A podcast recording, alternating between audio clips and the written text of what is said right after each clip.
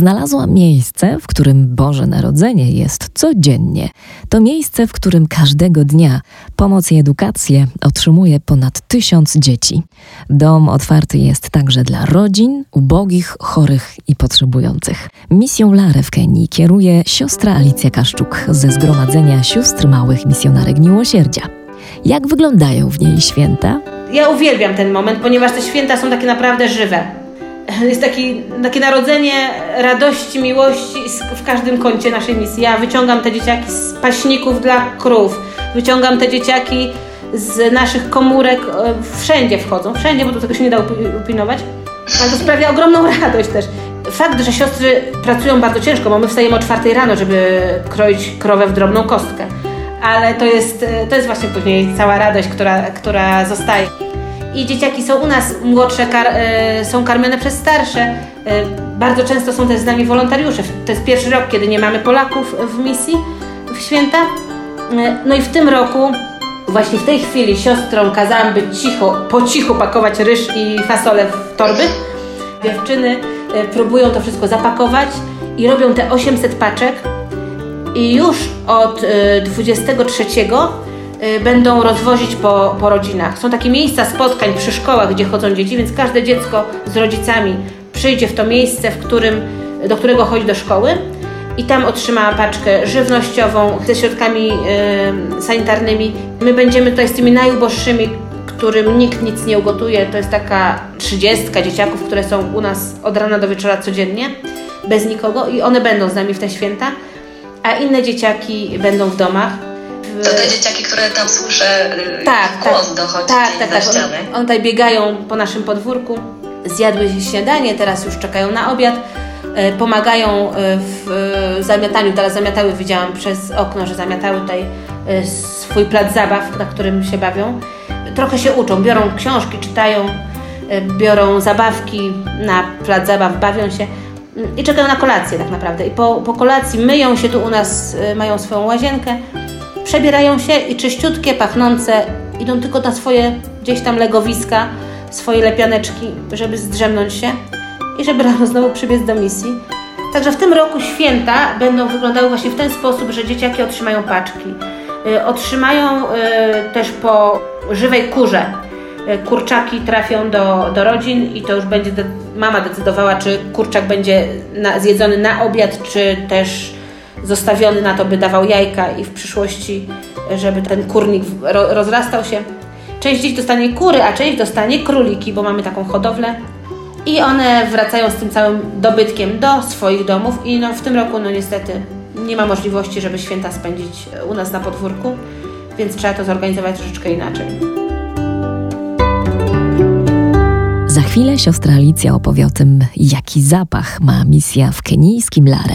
Codzienne życie na misji wyznaczają pory sucha i deszczowa. Święta przypadają w porze deszczowej.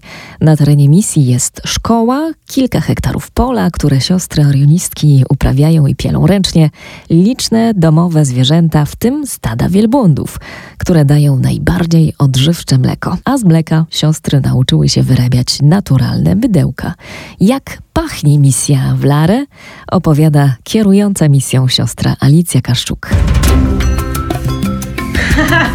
Trudno wyobrazić sobie zapach misji. Ktoś z naszych wolontariuszy nazwał tą naszą misję kiedyś pachnącą y, mokrym hebanem. To jest tak bardzo górnolotnie, ale coś w tym jest. Y, wszystko jest świeże, mokre, gdy pada deszcz. Y, w tej chwili mamy porę deszczową i zielone. Kiedy jest ta właśnie pora sucha, która się przedłuża, pora bez deszczu, czasami jest tak, że, że to trwa kilka e, miesięcy, 6-7 miesięcy, wtedy u nas wszystko pachnie kurzem.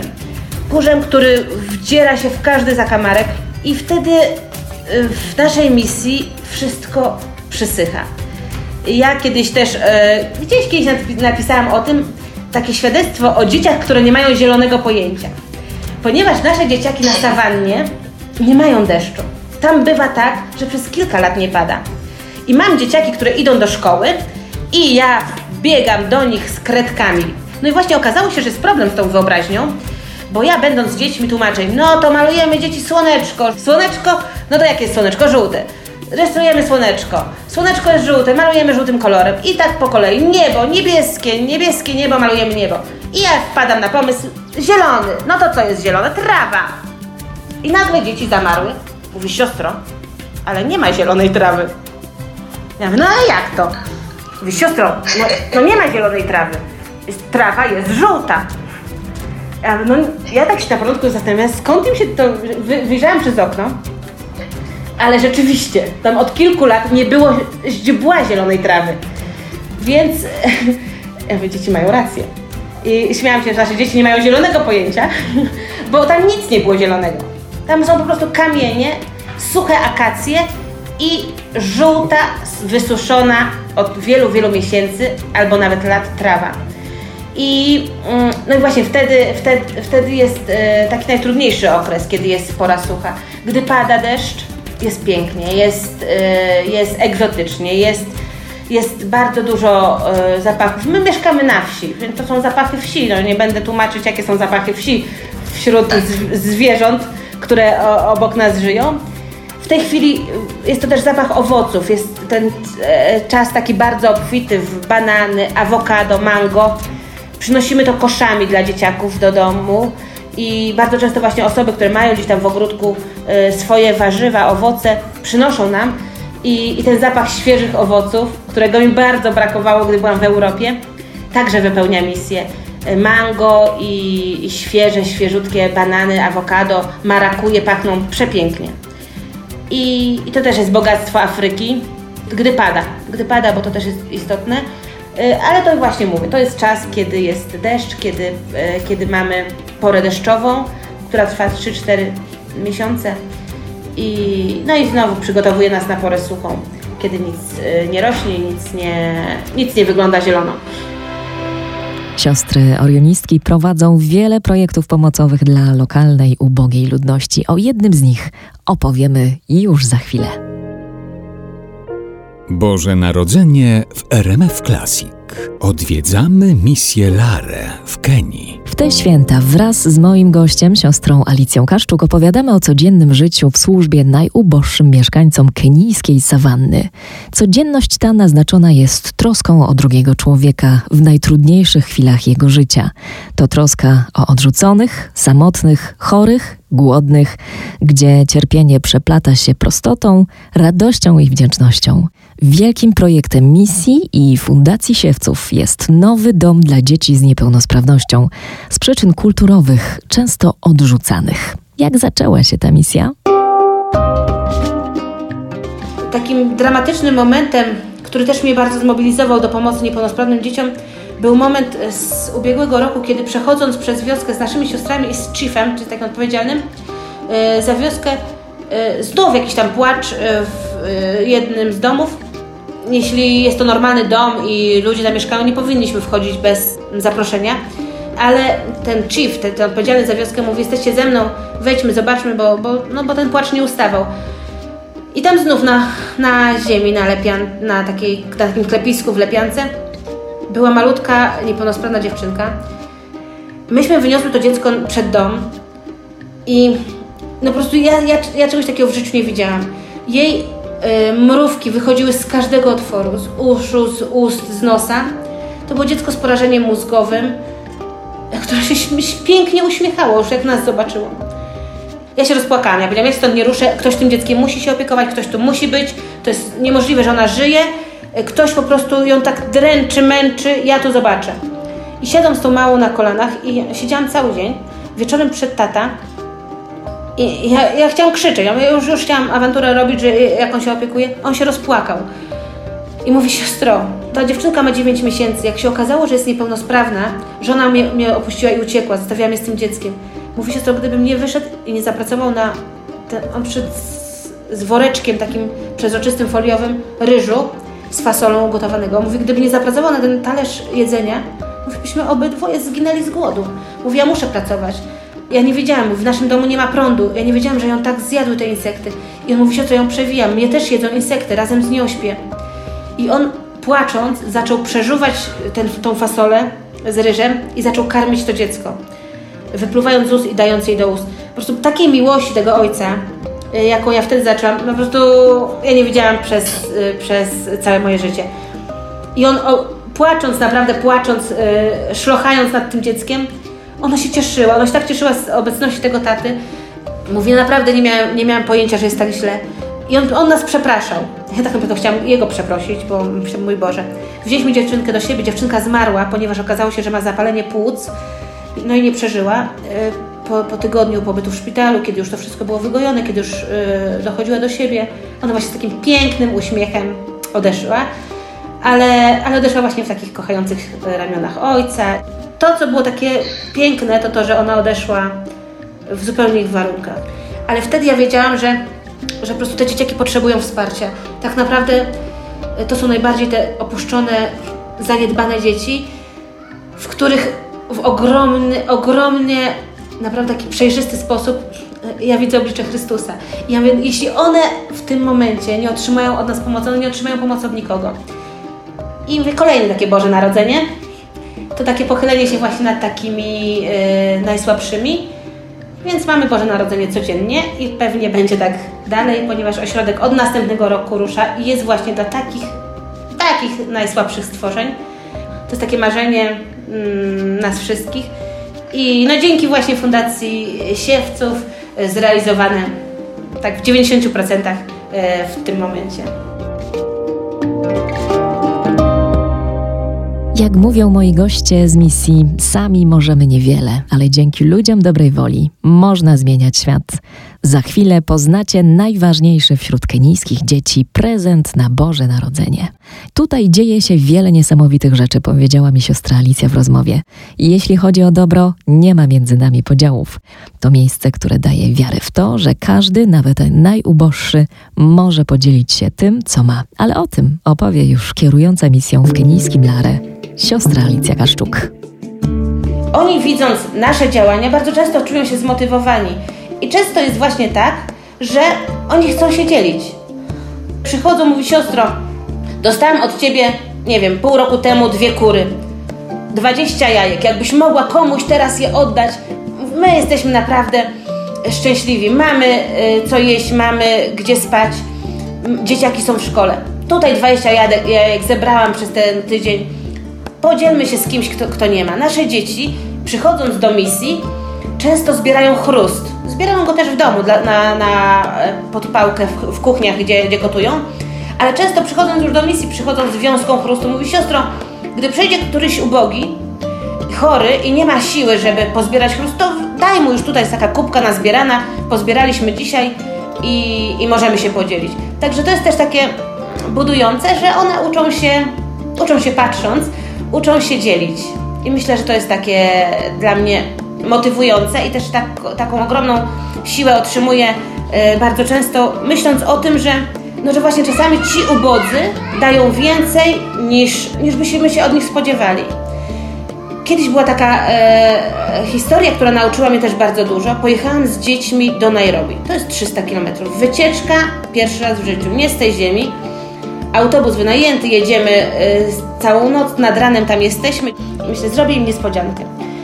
Każdemu dałam kieszonkowe, to nie były duże pieniądze, to były dwa złote i mówię, idziemy na zakupy do supermarketu. Pierwszym wejście do sklepu, gdzie mogą same wejść i wybrać e, coś dla siebie. Wysłałam każde dziecko, wysłałam z jakąś siostrą i mówię, słuchajcie, no wy macie świadomość, jakie to są małe pieniążki, więc tam niech sobie kupię jakiegoś lizaka, cukierka, gumę do rzucia i wiedziałam, że to będzie największa radość. Więc po bardzo obfitym obiedzie, świątecznym obiedzie, gdzie dzieci najadły się po uszy, idziemy do sklepu. I to, co mnie zszokowało, dzieciaki prawie wszystkie wracają z bochenkiem chleba. Ja mówię, niepojęte. Ja mówię, dzieci, jesteście najedzone po uszy. Po co wam ten chleb? Czemu nie kupujecie sobie, nie wiem, lizaka, gumy do rzucia albo jakiegoś ciastka, cukierka? Jedno dziecko mówi, siostro, ja lizakiem tak się nie podzielę jak chlebem. I ja wtedy E, no troszeczkę mnie tak e, to zszokowało. Ona mówi, siostro, ja ten chleb zawiozę do domu. Ja pojechałam na tą wycieczkę, ale w domu mam siedmioro rodzeństwa, mama, tata, babcia. Oni chleba nie jedli od miesięcy. U nas tylko na Boże Narodzenie się je chleb. No i on z tym chlebem te 300 kilometrów wracał, żeby właśnie się podzielić. Sam nie zjadł cukierka. Sam nie kupił sobie nic, żeby zrobić sobie przyjemność. On chciał się podzielić. Dla mnie to było tak mocne, tak silne, że od tej pory na każde Boże Narodzenie w prezencie dodatkowym, bo są też inne prezenty, każde dziecko wraca do domu z czymś, co uczyni je szczęśliwym, czyli z bochenkiem chleba. Nasz dom święta pachnie chlebem. Mamy 800 bochenków chleba, cały pokój po sufit wyłożony chlebem i na sam koniec obfitego obiadu każde dziecko bierze z ogromną radością bochenek chleba i idzie do domu, bo tam są te osoby, które jeszcze potrzebują y, wsparcia, jeszcze potrzebują pomocy. I ja już o tym nie myślę, ale myślą o tym właśnie ci najmniejsi. Te dzieciaki, które żyją w tej rzeczywistości, te dzieciaki, które widzą to na co dzień, chcą się dzielić i mi się wydaje, że to jest taki najpiękniejszy owoc y, tych, tej naszej posługi, tej naszej misji. Tle słyszycie fragment próby do koncertu kolęd podopiecznych misji. Niebawem ostatnia odsłona naszej świątecznej wizyty w kenijskim Lare. Misja jest dziełem sióstr orionistek, lokalnych mieszkańców i wolontariuszy. Owoce ich pracy są dowodem na to, jak jedna życzliwa myśl, jeden troskliwy gest może sprawić, że dla kogoś jutro będzie lepsze. W końcu będzie obiad, dostęp do edukacji, pomoc medyczna. To miejsce daje perspektywę na przyszłość w najtrudniejszych momentach życia ubogich. Misją kieruje siostra Alicja Kaszczuk. Teraz o cudach, z życzeniami w tle, do których i ja gorąco się dołączam. To, co się wydarza e, tutaj, e, doświadczenie cierpienia, doświadczenie też śmierci, bo wiele dzieciaków zmarło mi na rękach, doświadczenie pandemii i odchodzenia osób bliskich, niepokoju i lęku o tych najbliższych mi towarzyszą te wszystkie uczucia, ale jest we mnie też takie, taka pewność i takie szczęście, że to nie koniec, że po prostu, że to jest jeden etap, który, który nauczy nas y, może otworzyć się bardziej. Y, wczoraj zadzwonił do mnie, napisał do mnie jeden z naszych rodziców adopcyjnych i mówi, siostro, przeszedłem COVID bardzo ciężko. To, że żyję jest cudem. Razem z żoną postanowiliśmy pomóc Ci i zapłacić z góry za rok za edukację jednej studentki, która zaczyna teraz studia. I, i tak mówiłam tu siostrom, słuchajcie, COVID zamyka nam galerie i kina i może zamyka nam drogę do, do naszego, do sąsiedniej wioski, do naszego sąsiada, ale otwiera serca. Ja mam w sobie taką radość i takie, takie poczucie pewności, że, że ktoś nad tym czuwa, że, że, że, że wszystko jest po coś. To jest też takie moje motto życiowe. Wszystko jest po coś każdy moment cierpienia, każdy moment takiego trudnego doświadczenia, e, my nie wiemy po co, ale ma sens i, i właśnie z, z, tak, z taką pewnością sensu tego, co się dzieje, e, ja się budzę i mam w sobie ten entuzjazm, mam w sobie tą radość, by dawać, by kochać i dawać. To takie e, dwie rzeczy, które mi towarzyszą od momentu obudzenia się. Na to nie ma wpływu żadna pandemia, bo w każdej chwili my możemy kochać i dawać. W każdej w najtrudniejszej chwili naszego życia jest taka możliwość, jest niesamowitym darem i wielkim cudem, że możemy zadzwonić, podzielić się dobrym słowem, podzielić się tym, co mamy z kimś, podzielić się uśmiechem i właśnie taką nadzieją, że, że będzie dobrze, że będzie inaczej, że, że coś się zmieni. Ale to, co możemy zmienić, i to od nas zależy, to możemy właśnie otworzyć nasze serca. Gdy wszystko zamknięte, gdy wszystko wokoło jest takie właśnie przygnębione i ściśnięte, jedyną przestrzeń, na którą pandemia nie ma wpływu, to przestrzeń naszego serca. Otworzyć się na to, co jest, na, na tych, co są obok, co też nie jest proste. Czego mogłabym życzyć słuchaczom? Yy, kochani, te życzenia nie są zależne od, yy, od sytuacji, tego, co się dzieje z zewnątrz. To, jest, to, to są takie życzenia od serca i myślę, że wszystkim słuchaczom chciałabym życzyć otwartości na nowe. Będzie nowe, czeka nas wszystko nowe. E, nie tylko nowy rok, ale nowa rzeczywistość. Tym, co jest najistotniejsze, czyli żeby otworzyć się na nowe z miłością. E, bo ja wierzę, że, że Bóg jest miłością. I On się rodzi, On przynosi tą miłość i On jest źródłem tej miłości. I jakkolwiek każdy z nas postrzega e, i doświadcza tej miłości, to ona jest obecna w życiu każdego człowieka. I myślę, że, że właśnie tego chciałabym życzyć wszystkim słuchaczom, abyśmy y, w te Boże Narodzenie otwierali się, otwierali swoje serca, otwierali się z miłością i byśmy uwierzyli, że, że to jest początek.